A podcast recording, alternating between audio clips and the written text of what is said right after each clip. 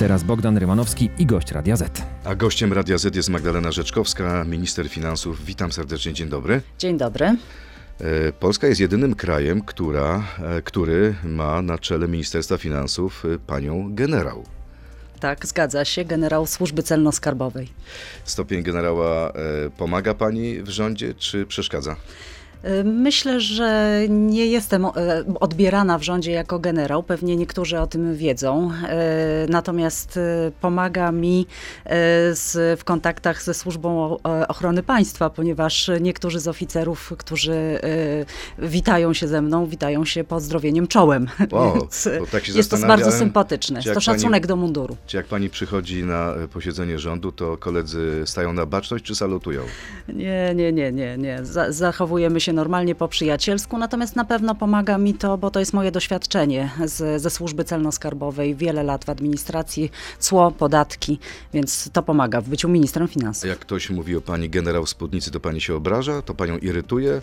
Nie, absolutnie nie. Ja jestem bardzo dumna z tego, że kobiety y, są generałami. W służbie celno-skarbowej na razie jestem jedna, w celnej były kobiety, w poprzednio przed kasem, a w wojsku y, no jeszcze pewnie troszkę ale w Straży Granicznej są kobiety, więc to bardzo cieszy. To na początek uderzenie e, chyba z armaty.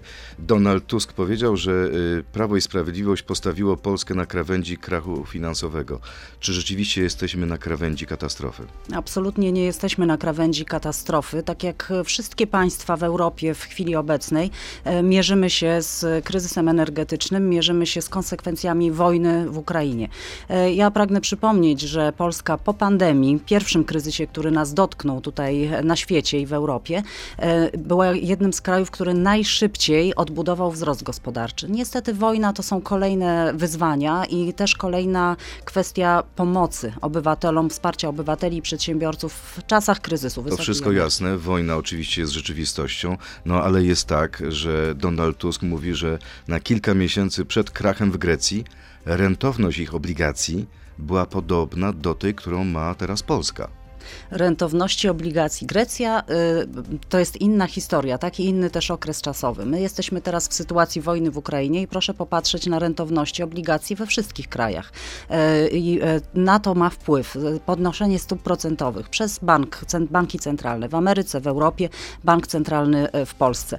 To, że w tej chwili są wahania, jeżeli chodzi o rentowności obligacji, jest też konsekwencją wojny w Ukrainie i kryzysu energetycznego, wysokich cen i problemów obligacje są teraz na poziomie, to prawda, obligacji Rosji, Turcji i Meksyku? Nie, na poziomie są nieco niższym, natomiast też pragnę przypomnieć, że dla obligacji Skarbu Państwa nie liczy się nie tyle notowania rynku wtórnego, co rynek pierwotny, czyli to po jakich e, cenach i po jakich rentownościach Ministerstwo Finansów sprzedaje obligacje. No ale mamy analizę agencji Bloomberg e, i ta analiza jest e, no, bardzo krytyczna wobec polityki rządu.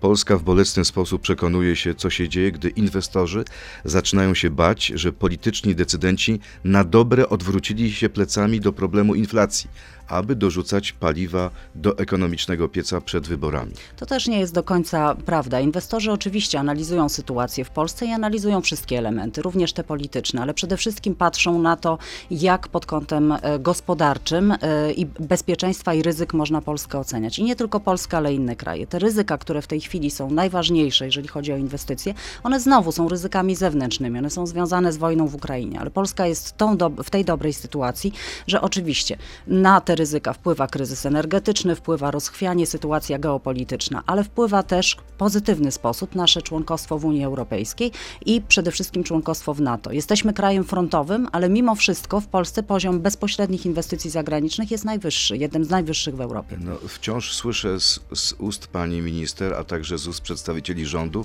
że wszystko to tak naprawdę wina zewnętrznych czynników. E, nie, jest tak, że powinniście się jednak troszeczkę bić we własne piersi. E, nie tylko politycy mówią o nadciągającym krachu, nie tylko Donald Tusk, to jest zrozumiałe, to jest lider opozycji, ale e, kilka dni temu gościł w tym studiu i siedział na pani miejscu ekonomista Bogusław Grabowski i on mówi, że no, jesteśmy w dramatycznej sytuacji, że czeka nas Armagedon To kto tutaj się myli, kto mówi prawdę? Y, Ja wiem, że ym, nie, na niektórzy budują emocje i działamy bardzo mocno na emocjach, więc y, emocje można budować w kierunku słów dramatyczny, ale można też budować w kierunku słów, że rzeczywiście będzie trudno, ale nie będzie to sytuacja dramatyczna. Pani to wszystko mówi tak bez emocji. Mówię bez emocji, dlatego że pracuję na co dzień i staram się, właśnie moją rolą jest y, też to, żeby sytuacja nie była dramatyczna. I ja y, nie, nie widzę tutaj y, dramatu i tragedii i wielkiego kryzysu. Natomiast oczywiście jest spowolnienie gospodarcze i z tym nie dyskutujemy. I sytuacja jest trudna, jest szereg wyzwań. I my, tak samo jak inne kraje, staramy się z tymi wyzwaniami sobie radzić.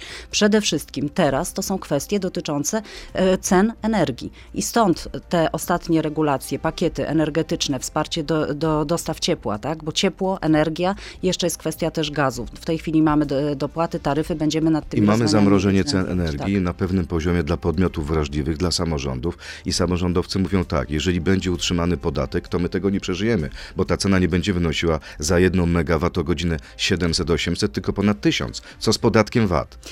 W tej chwili do końca roku rzeczywiście jest utrzymane rozwiązanie, ta tak zwana tarcza antyinflacyjna, obniżająca podatek, podatek VAT na określone kategorie, między innymi e, energię.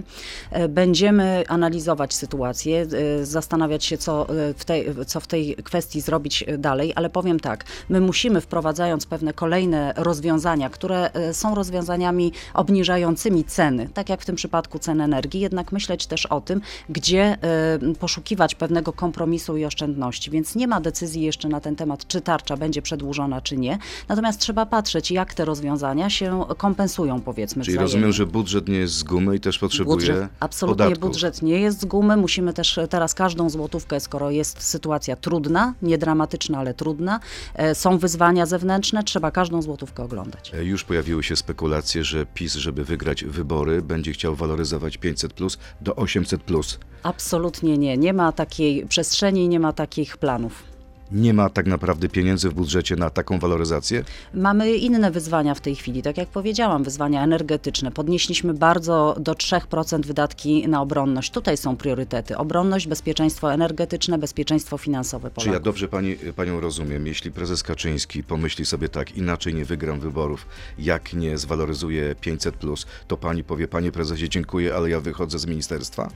Ja e, nie poddaję się tak łatwo, to po pierwsze. I, e, Jest pani generałem. Jestem generałem, więc nie poddaję się, nie pierwsza nie złożę broni, będę walczyć e, o to, żeby finanse Polski były stabilne, więc będziemy proponować takie rozwiązania, e, i, e, w które dla polskich finansów są bezpieczne. Czyli ja dobrze rozumiem, to pani minister, i są pieniądze na waloryzację emerytur, ale nie ma takich pieniędzy w przyszłorocznym budżecie, żeby w grę wchodziła waloryzacja 500 plus. Musiałaby być nowelizacja. Prawdopodobnie musiałaby być Co nowelizacja. to W za problem? chwili Można ją zrobić w jeden dzień, w jedną noc. trzeba patrzeć na całą przestrzeń fiskalną i na też kryteria i bezpieczeństwa budżetu. Także wszystkie decyzje, które podejmujemy, oczywiście analizujemy, jaką mamy przestrzeń fiskalną, jakie są te poziomy bezpieczeństwa dla, sta, dla stabilności polskich finansów. Kiedy kładzie się pani spać, y, to myśli pani, cóż to za bestia ta inflacja i co ona z nami zrobi następnego dnia? To jest chyba problem dla nas wszystkich, bo inflacja pożera oszczędności najbiedniejszych głównie. Tak, inflacja jest e, z całą pewnością problemem i znowu powiem, oczywiście e, nie tylko problemem Polski, co, m, ale też to oznacza, że też i te czynniki, które inflację wywołują, nie są wyłącznie Ja wiem, czynnikami powie wewnętrznymi. pani putinflacja. Nie, nie powiem tego, ale powiem to, że działania, które podejmuje oczywiście to nie minister finansów, tylko głównie Narodowy Bank Polski, one częściowo oczywiście dotyczą polskiego rynku i polskich, y, polskich warunków, ale niestety też tych czynników i elementów zewnętrznych. I stąd tutaj podnoszenie cen y, stóp procentowych nieco wolniej oddziałuje na inflację, na jej spadek, ponieważ mamy te czynniki zewnętrzne, y, Czyli- na które nie mamy wpływu do końca. pani oczekuje podniesienia stóp procentowych dzisiaj? Y, Nie, nie, na ten temat nie będę mówić. Nie jest to moja decyzja, jest to decyzja Narodowego Banku Polskiego. Ja myślę, że tak jak w Czechach też ta decyzja o podniesieniu kolejnym stóp procentowych nie zapadła. Tutaj trzeba patrzeć na to, jak y, podniesienie stóp oddziałuje na gospodarkę, czy już te efekty spowolnienia IPEW są, czy nie. I myślę, że tutaj nie będzie takiej, y, to jest nie moja decyzja, ale, ale już to oddziaływanie na gospodarkę i na inflację też będzie widoczne. Pani minister, to wobec tego przechodzimy do krótkiej piłki. E, Ja zadaję krótkie pytanie, pani odpowiada tylko i wyłącznie może pani odpowiedzieć tak albo nie. Bawimy się? No spróbuję. No dobrze, Leszek Balcerowicz, przepraszam, to mój ekonomiczny guru, tak czy nie? Nie. Jak przejęłam resort finansów, to złapałam się za głowę. Nie. Jako minister finansów nie zgodzę się na przedwyborcze rozdawnictwo, tak czy nie? No nie zgodzę się. Minister finansów nie ma w Polsce nic do gadania, bo i tak o wszystkim decyduje premier i to jego polecenia wypełniam. Tak czy nie? Y, Decyduje premier, który prowadzi politykę rządu, więc tak. Tak. No i ostatnie pytanie. Adam Glapiński mógłby wykazać się lepszym refleksem w walce z inflacją, tak czy nie? No y, nie. Nie. Nie. Wykazał się dobrym refleksem. Minister finansów Magdalena Rzeczkowska jest gościem Radia Z. Przechodzimy teraz do części internetowej na Radio Z.pl, Facebooka i YouTube'a, a tam panią minister zapytam. Zapytam, to będą pytania od słuchaczy. Zapraszam. To jest gość Radia Z. No właśnie, kiedy otrzymała pani propozycję bycia ministrem finansów, to zastanawiała się pani przez moment? Oczywiście, że się zastanawiałam. Ja jestem e, wieloletnim urzędnikiem e, i funkcjonariuszem e, Ministerstwa Finansów i Służby Celno-Skarbowej, więc znam ten resort od podszewki, można powiedzieć. Znam ludzi, z którymi teraz obecnie pracuję, ale zadania ministra finansów to zdecydowanie szersze zadania, tak? takie też obejmujące dziedziny, którymi się dotychczas no, osobiście nie zajmowałam. To nie znaczy, że nie miałam z nimi do Nie czynienia. miała pani takiego dylematu, w co ja się pakuję? E, Oczywiście, że miałam, ale jestem człowiekiem, który jest na służbie i tak odbieram e, moją pracę dla, dla, dla państwa. Jestem robotnikiem e, i, i tak się postrzegam i staram się tą swoją Czyli misję realizować. Robotnikiem generałem. To ciekawe robotnikiem połączenie. generałem, tak, robotnikiem generałem, natomiast wiedziałam, że mam dobrych ludzi, że mam z kim pracować i że też jesteśmy zespołem i, i to mi pomogło tą decyzję podjąć. A Leszek Balcerowicz to naprawdę nie jest pani guru? Nie. Jaki ma pani do niego stosunek? Uważa pani, że e, nie ma zasług dla Polski? Ma zasługi dla Polski, też w innym czasie funkcjonował, tak? Więc ja, to nie, nie, ja nie mówię, że ja nie szanuję, bo żeby to nie było tak odebrane. Ja bardzo szanuję pana profesora, absolutnie. Natomiast y, y, ja w życiu raczej nie mam y, chyba w żadnej dziedzinie y, takich guru, na których bym się wyłącznie Żadnych opierała. autorytetów? Y, Ja mam jeden autorytet i moim autorytetem jest y, Pan Bóg i wiara. E, Czyli jest pani generałem, e, który niczego się nie boi, oprócz Pana Boga. Tak. No dobrze, ale e, nad nami, można powiedzieć, szaleje demon inflacji. Wróćmy do tej inflacji. Są już takie prognozy. Profesor Wojciechowski mówi, że on uważa, że będzie nam towarzyszyć za kilka miesięcy inflacja 20%. E, Tutaj wszelkie prognozy, które dotyczą inflacji, e, no są tylko prognozami tak- i jest trudno powiedzieć, czy dany scenariusz na pewno się sprawdzi. Tak? Już mm, przekonaliśmy się o tym, bo rozmawiając parę miesięcy na temat poziomów inflacji, mówiliśmy ok, e, może wakacje, może, może, może wczesna jesień. Na razie mamy ten czwarty już kwartał, początek, tak? początek końcówki roku, mamy gdzie mamy 17%. 17,2%. Z czego możemy się spodziewać e, Myślę- w, w grudniu, w styczniu, w marcu? Myślę, że inflacja będzie się e, utrzymywała na takim podwyższonym poziomie. Czy będzie wyższa? Być może tak. Też te początek roku z reguły jest takim też przełomowym momentem, gdzie, gdzie mogą pewne, nie wiem, wzrosty cen tak wystąpić, więc być może ta inflacja nieznacznie wzrośnie, ale też e, przypominam, że e, jednak podniesienie stóp procentowych, e, te działania Narodowego Banku Centralnego Polskiego też, też działają, więc może początek roku jeszcze podwyższona inflacja, pewnie, pewnie większość, większa część przyszłego roku, natomiast końcówka roku już te, te efekty powinno być widać, powinniśmy schodzić z inflacją. Wracam do tych e, zastrzeżeń, do tych zarzutów bardzo mocnych ze strony wielu ekonomistów. Oni mówią tak, tak naprawdę rząd nie przejmuje się inflacją. Ma w nosie to, że ludzie muszą płacić tak gigantyczne e, pieniądze za na przykład e, towary typu mleko, chleb i tak dalej, i tak dalej. Co tak naprawdę pani jako minister finansów zrobiła, żeby zabić tą bestię? Absolutnie to nie jest prawda, że rząd nie przejmuje się inflacją. Przejmuje się inflacją, przejmuje się kursem e, złotego, wartością złotego, więc więc staramy się tutaj te działania podejmować. A nie jest Oczywiście tak, to że jest, jednak y, budżet zarabia na wysokiej inflacji i to jest w czasu. waszym interesie? Nie, nie, nie. To jest e, zarabianie na inflacji przez budżet, to jest e, zarabianie, że tak się wyrażę, do czasu, dlatego że to są też koszty, bo to, jest, to są większe wydatki bieżące, jeżeli chodzi o funkcjonowanie administracji, całej, całej sfery budżetowej, to są waloryzacje chociażby emerytur, tak, więc to są koszty. To są koszty, które budżet podnosi. To nie jest tak, że na tym zarabiamy. Natomiast to, co my jako rząd, bo oczywiście przypominam, inflacja, e, kursy walut to jest polityka monetarna i polityka fiskalna. To, co staramy się jako rząd zrobić, to z jednej strony, to my musimy też poszukiwać takiej równowagi pewnej, tak? Dlatego, że z jednej strony mamy kryzys, gdzie nie można obywateli i przedsiębiorców zostawić samym sobie i to już też pokazała i pandemia, tak? To No, niektórzy zarzucają wam, że wpakowaliście e,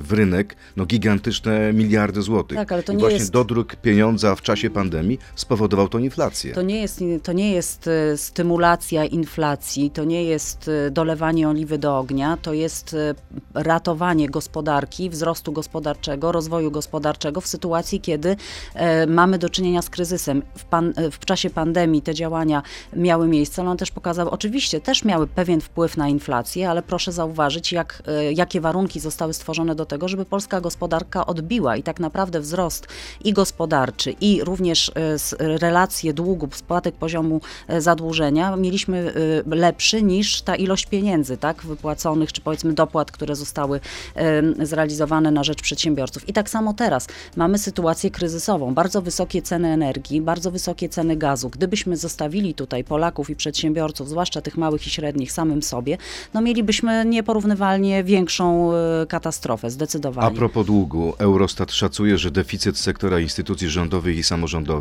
wzrośnie trzy razy w porównaniu z rokiem ubiegłym do ponad 140 miliardów złotych. No to są gigantyczne pieniądze. Czy jednak nie jesteśmy na tej ścieżce Grecji? Y, Nie, to już faktycznie ja potwierdzam, bo nasze wyliczenia są dokładnie te, takie same, tak? Ten y, poziom sektora, y, z, deficytu sektora GG, tak zwanego General Government, czy instytucji rządowych i samorządowych, faktycznie jest na tym poziomie, ale to wynika właśnie z tych programów, które jesteśmy winni obywatelom, Polakom realizować, czyli dopłat do energii, do ciepła, tej pomocy, którą w, tym roku Ale to sprowadźmy sprawę budżetu, no porównajmy go z budżetem domowym, tak? Jest pani, przepraszam, gospodynią domową, ma pani określoną e, ilość pieniędzy w portfelu czy na koncie, musi pani e, zapewnić jako taką egzystencję swojej rodzinie. Zadłuża się pani aż tak?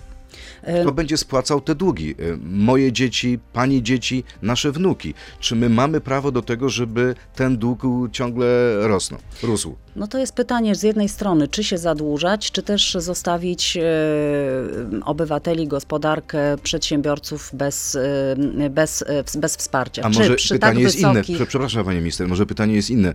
Czy się zadłużać, bo możemy w ten sposób wygrać wybory, nieważne co po nas, Nie, a czy się zadłużać i utrzymać wzrost gospodarczy? E, To jest, to jest pytanie, czy utrzymać mimo oczywiście spowolnienia, ale jednak wzrost gospodarczy w Polsce, czy pozwolić e, tak naprawdę na mm, kryzysowy, jeszcze większy kryzys, jeżeli chodzi o, o naszych przedsiębiorców, obywateli e, i tego wzrostu gospodarczego nie mieć? Rozmawiałem niedawno z pewnym ekonomistą i on mówi mi, że rzeczywiście jeśli chodzi o wzrost gospodarczy jest dobrze, jeśli chodzi o bezrobocie jest bardzo dobrze, bo ono jest circa about 3%. W związku z tym powinniśmy wszystkie siły rzucić na walkę z inflacją. Bo nawet powinniśmy dopuścić trochę większe bezrobocie, nawet y, niewielkie spowolnienie, bo najgorsza sytuacja jest właśnie z inflacją. Jak się to będzie tak utrzymywać, straci największa grupa ludzi.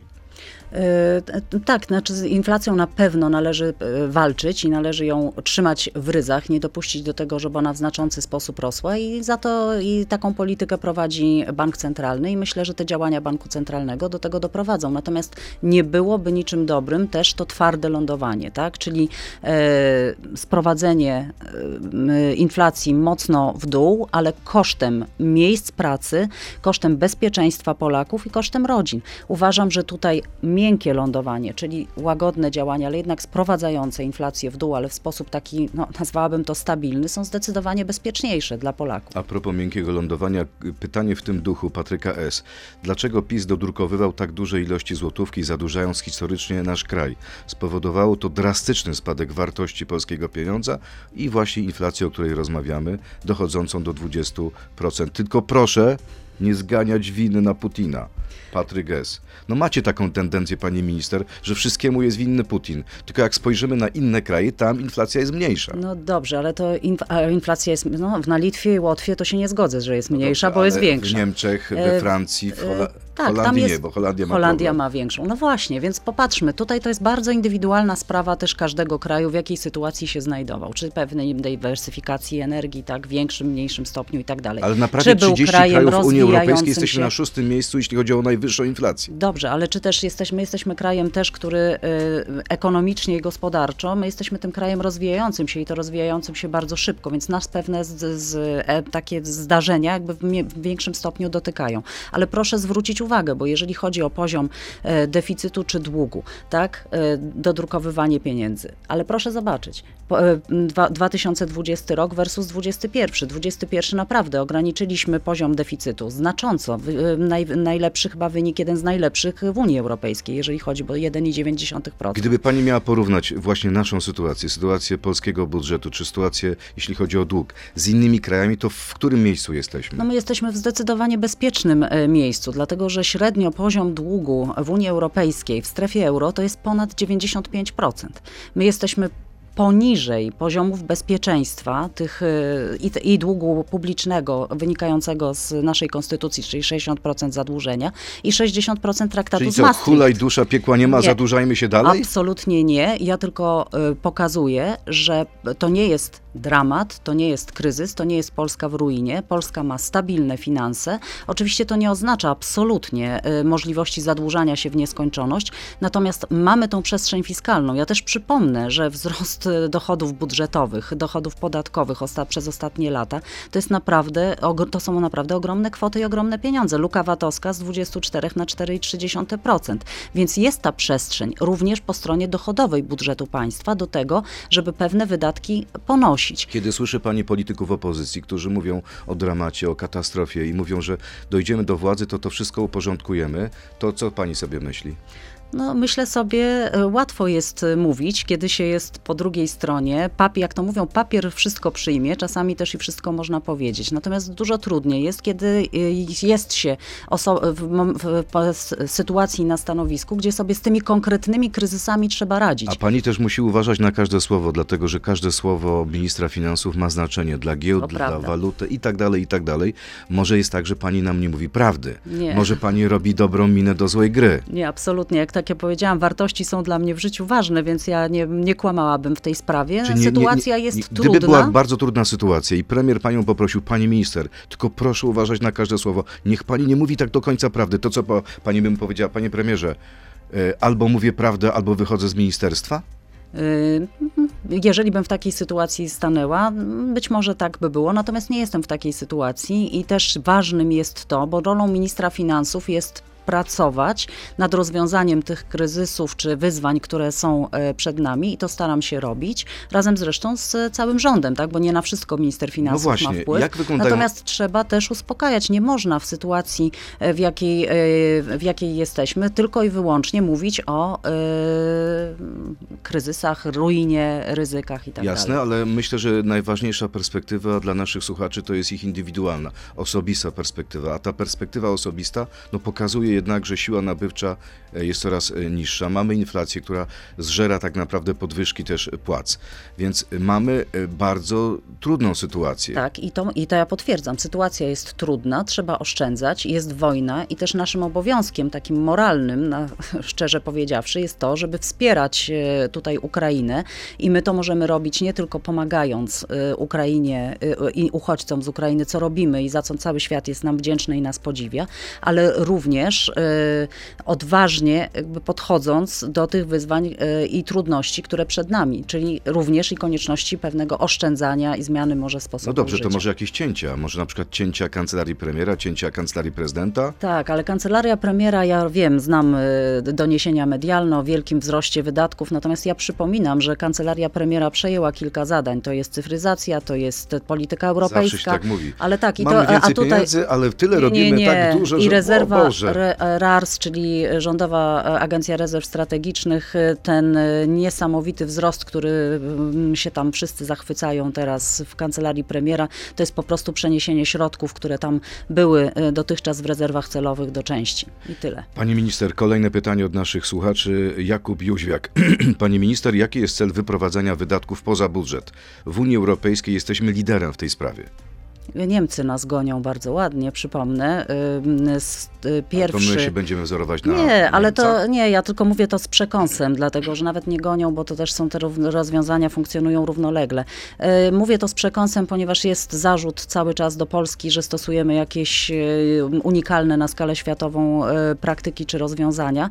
Natomiast takie rozwiązania funkcjonują w Niemczech. To jest fundusz chociażby obron, właśnie obronności e, 100 miliardów euro, ile dobrze pamiętam, zmiana konstytucji w ogóle w tym e, celu, żeby można było e, te progi ostrożnościowe e, znieść. Czyli w tej sprawie nie jesteśmy 200 antyniemieccy już, 200 tylko się wzorujemy na najlepszych, tak? Nie, nie, nie, nie wzorujemy się, natomiast pomówię, że to nie jest wyłącznie polskie rozwiązanie. Takie fundusze celowe funkcjonują też w innych budżetach. A, i, też nie jest to żadne rozwiązanie ani poza prawem, ani wyprowadzanie pieniędzy poza budżet, bo przypominam, że, a dużo dzisiaj rozmawialiśmy o deficycie długu sektora instytucji rządowych i samorządowych, tam te wszystkie wydatki są.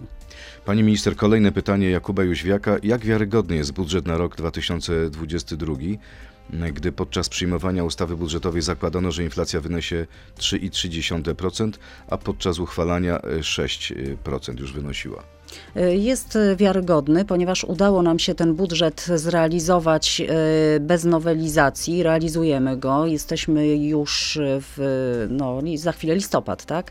E, Więc zarówno poziom dochodów i sytuacja budżetowa jest dobra. Ja przypomnę, że mamy nadwyżki 27,5 miliarda na Ale co ma, co ma zrobić przeciętny słuchacz, przeciętny Polak?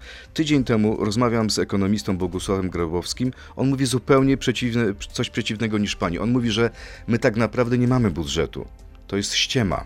To jest ściema na użytek publiczny, żeby tak naprawdę powkładać problemy, czy tam wsunąć pod dywan, żeby To- ludzie tego nie widzieli. To jest, to jest nieprawda, bo tak jak powiedziałam, również e, ja rozumiem, że pan e, e, eko, ekonomiści mówią niektórzy o tych funduszach, o funduszach, które To jest są. były członek Rady Polityki ja Pieniężnej, wiem, wie co mówi. Dobrze, wie co mówi. Mówi o funduszach, o funduszu przeciwdziałania COVID, o funduszu wsparcia sił zbrojnych nowym, który powstał, o funduszu pomocy Ukrainie.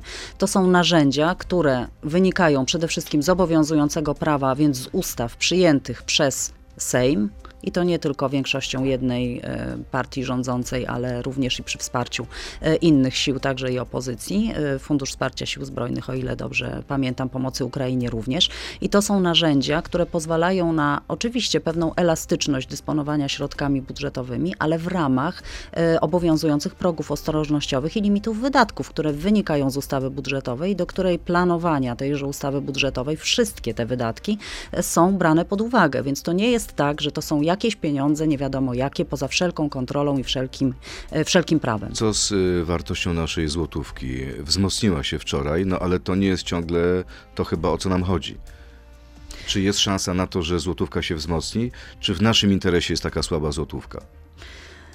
Y, No, na pewno słaba złotówka nie jest w interesie Polski, więc y, trzeba pracować nad y, zarówno jednym i drugim, czyli nad poziomem inflacji i nad wartością złotego. Tutaj ma wpływ na to szereg czynników, między innymi płynność po- podaż pieniądza, więc dobrze, że trochę tutaj tą sytuację udaje się y, uspokoić. Y, Przede wszystkim tutaj, no, tak jak powiedziałam, jeżeli chodzi o inflację, o, o, politykę tą monetarną, y, to są działania Narodowego Banku. Co z podatkami? Czy mamy się spodziewać podwyżki podatków w najbliższym czasie? E, Absolutnie y, nie. E, To co, e, to, co myśmy robili, jaka była polityka też e, rządu, to jest raczej stabilizowanie e, e, podatków, ale też poszukiwanie takich rozwiązań, które w dialogu zresztą z przedsiębiorcami, ja jestem ogromnym zwolennikiem dialogu, zawsze tak e, pracowałam, wspólnie wypracowujemy rozwiązania. E, To są rozwiązania, które z jednej strony, teraz te, które wprowadzamy, upraszczają pewne, pewne e, regulacje. Wprowadziliśmy szereg ułatwień Nowy też dla ład to był inwestorów. strzał w dziesiątkę? E, mm, ostatecznie tak. Ostatecznie. Długo się pani zastanawiała nad tą odpowiedzią. Nie jest pani pewna tej odpowiedzi. Y, zbyt skomplikowany był, znaczy oczywiście były popełnione błędy w, przy pierwszym, pierwszym powiedzmy etapie tak, reformy PIT, y, ale udało się te błędy naprawić i teraz zdecydowanie uważam, że na tą sytuację też, w której jesteśmy, ta obniżka podatków z 17 do 12% to jest y, i wsparcie dla Polaków, ale i dla pracodawców. Ostatnia sprawa. Mówiliśmy tutaj przez moment o relacjach między panią a premierem Morawieckim. Jak to jest? Czy, proszę wybaczyć za porównanie, pani jest tylko e, księgową i realizuje pani polecenia premiera e, premier sobie zażyczył, to pani robi wszystko, żeby to, te słupki się sprawdziły? Czy ma pani możliwość e, pewnej kreatywności? Nie wiem, czy kreatywnej księgowości? Nie, kreatywna Jak wygląda pani samodzielność? E, Absolutnie nie jest tak, że oczywiście każdy minister finansów, i czy to jestem ja, czy, czy inny minister finansów, czy minister finansów innego kraju, realizuje politykę rządu. Politykę A rządu. Ja pamiętam, przepraszam, że przerywam, takie sytuacje sprzed iluś tam kilku, kilkunastu lat, kiedy pozycja ministra finansów była ogromna. Tam ministrowie przychodzili się, bali z nim w ogóle rozmawiać, bo nie wiedzieli, czy da te pieniądze, czy nie da. Dzisiaj mam wrażenie jest tak, że premier wystarczy, że powie, ma być, to jest. Jak to wygląda? Nie, to nie jest, to nie jest absolutnie tak. My rozmawiamy. Jeżeli nie ma przestrzeni, e, to ten głos ministra finansów jest sły, sły, słyszalny i słuchany. Oczywiście to jest ucieranie się pewnych poglądów, to jest kwestia też y, i polityki rządu, którą pro, prowadzimy. Postawiła się pani kiedyś yy, premierowi Morawieckiemu? Powiedziała, nie, panie premierze, ja tego nie zrobię, to jest złe rozwiązanie? Zanim, znaczy oczywiście też e, staram się mówić, kiedy jest złe rozwiązanie, to mówię o tym, że to jest złe rozwiązanie. Natomiast tak jak powiedziałam, ja jestem człowiekiem dialogu i też jestem człowiekiem, który stara się poszukiwać rozwiązań. Jeśli jest coś e, złym rozwiązaniem, to staramy się znaleźć jakieś inne e, inną propozycję, albo po prostu no, tego nie realizujemy. Ale to jest, Czyli tak zawsze jak jest nadzieja, dialogu. czyli dla zawsze Polaków jest nadzieja. Oczywiście, że tak. Dziękuję bardzo. Naszym gościem, gościem Radia Z była Magdalena Rzeczkowska, minister finansów, pani generał Magdalena Rzeczkowska. Dziękuję bardzo. Dziękuję Do zobaczenia. serdecznie. Do zobaczenia. To był gość Radia Z. Słuchaj codziennie w Radio Z i na player radioz.pl.